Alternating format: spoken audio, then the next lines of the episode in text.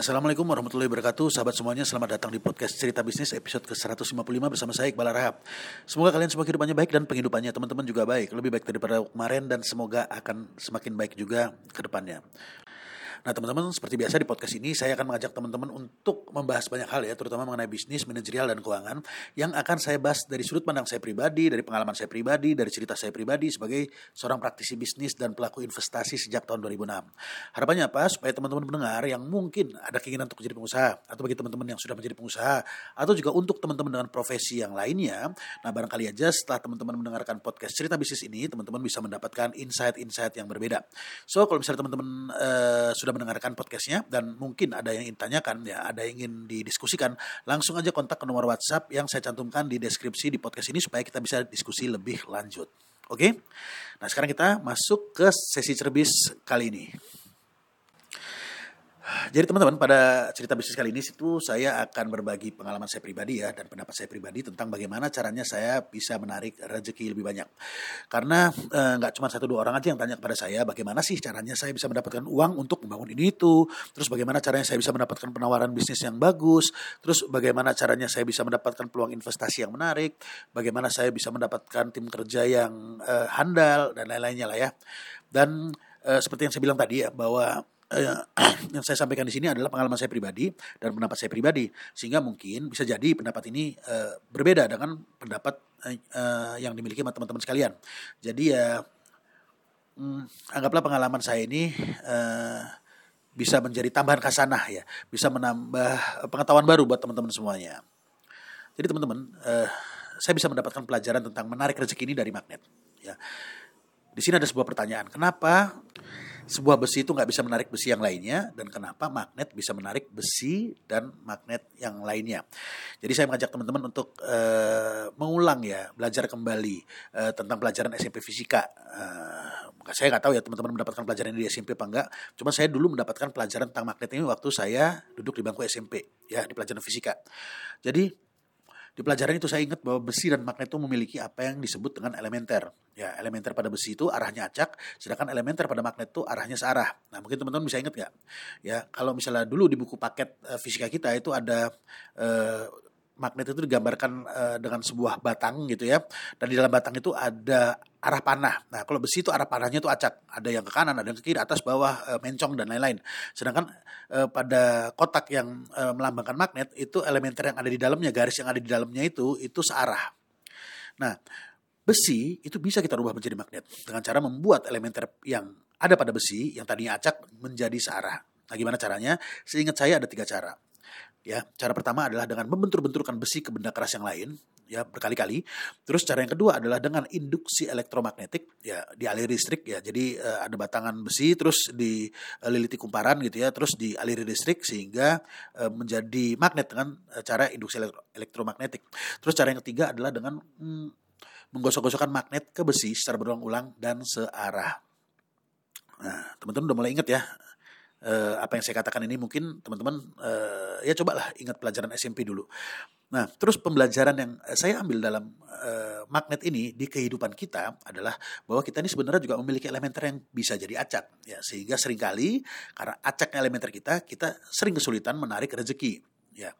Nah, dan saya membagi elementer dalam hidup kita itu menjadi tiga. Yang mana kalau semuanya elementer ini searah, maka rezeki akan lebih mudah mendekati kita. Elementer yang pertama itu adalah apa yang kita yakini. Ya, elementer yang kedua adalah apa yang kita katakan dan elementer yang ketiga itu adalah apa yang kita lakukan. Jadi apa yang kita yakini, apa yang kita katakan dan apa yang kita lakukan. Nah, sering dalam kehidupan kita ini tiga elementer ini acak nih, nggak searah. Yang kita yakini itu apa, yang kita ucapkan beda, yang kita lakukan juga berbeda.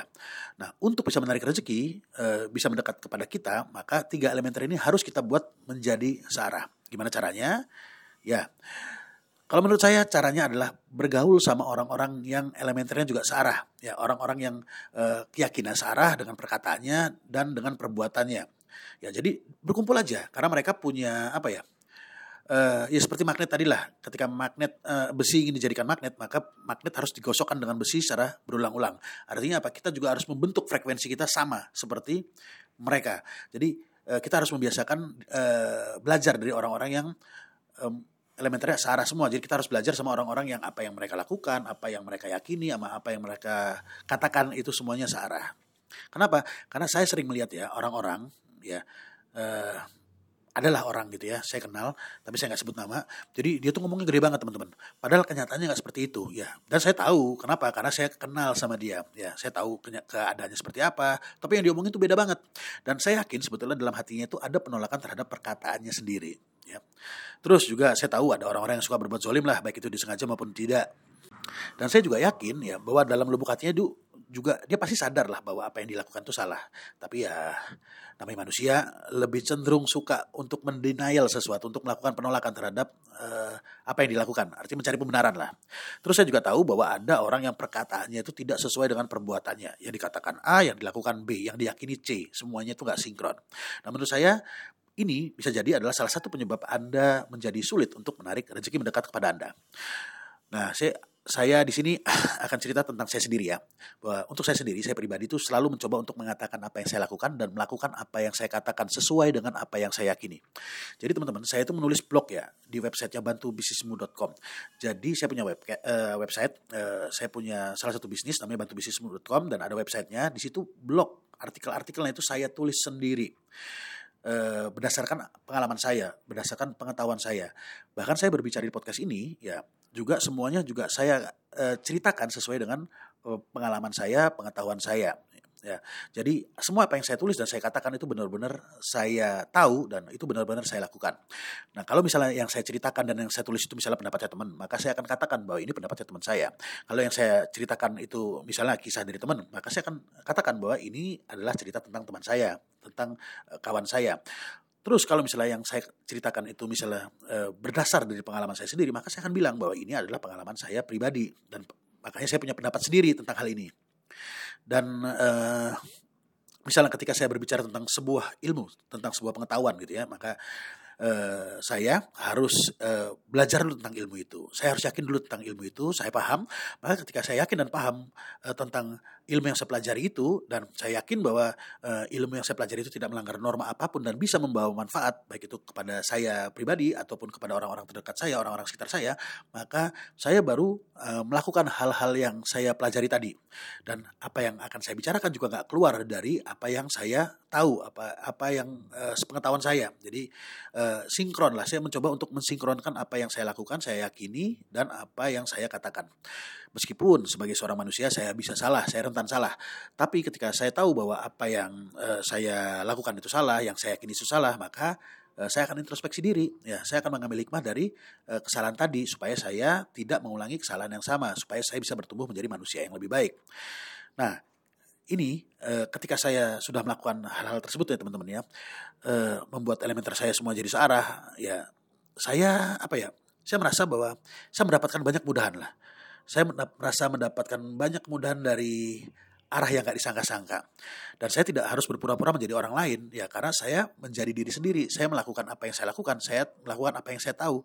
Intinya, saya merasa ada aja rezeki yang datang kepada saya, dan rezeki itu memang saya butuhkan, tapi saya tidak perlu mencarinya jauh-jauh. Jadi ini uh, saran buat teman-teman ya, yang ingin dikejar oleh rezeki, menurut saya coba deh elementer yang ada di kehidupan teman-teman itu dibuat menjadi searah semuanya. Jadi uh, mulai dibiasakan ya uh, untuk berbicara sesuai dengan apa yang anda yakini, terus biasakan juga berbuat sesuai dengan apa yang anda katakan. Itu teman-teman. Emang kedengarannya kayaknya gampang prakteknya ya, tapi sebetulnya ketika dipraktekkan di kehidupan nyata itu nggak gampang teman-teman ya karena ada aja biasanya yang membuat kita itu ingin mengatakan apa yang kita tidak lakukan. Nah ini sering sekali yang saya temui ya. Nah tapi cuman kalau kembali lagi ketika uh, Anda ingin uh, dikejar oleh rezeki, coba deh diselaraskan semua elementer yang ada di kehidupan Anda. Jadi uh, mungkin demikian ya teman-teman ya tentang cerita bisnis singkat episode kali ini. Jadi kalau misalnya saya oh, ngomongnya tadi misalnya Babaliut, ada yang uh, keceplosan nyakitin hati orang gitu misalnya ya, saya minta maaf lahir batin terus kalau misalnya ada kata-kata saya yang kurang jelas ya dan mungkin ada yang ditanyakan, ada yang perlu didiskusikan, langsung aja WhatsApp saya di nomor yang saya cantumkan di deskripsi di podcast ini. Singkat cerita, semoga bermanfaat buat kalian semua teman-teman mendengar, terutama buat saya pribadi sebagai pengingat diri. Saya cabut dulu, sampai jumpa di episode cerbis berikutnya. Assalamualaikum warahmatullahi wabarakatuh.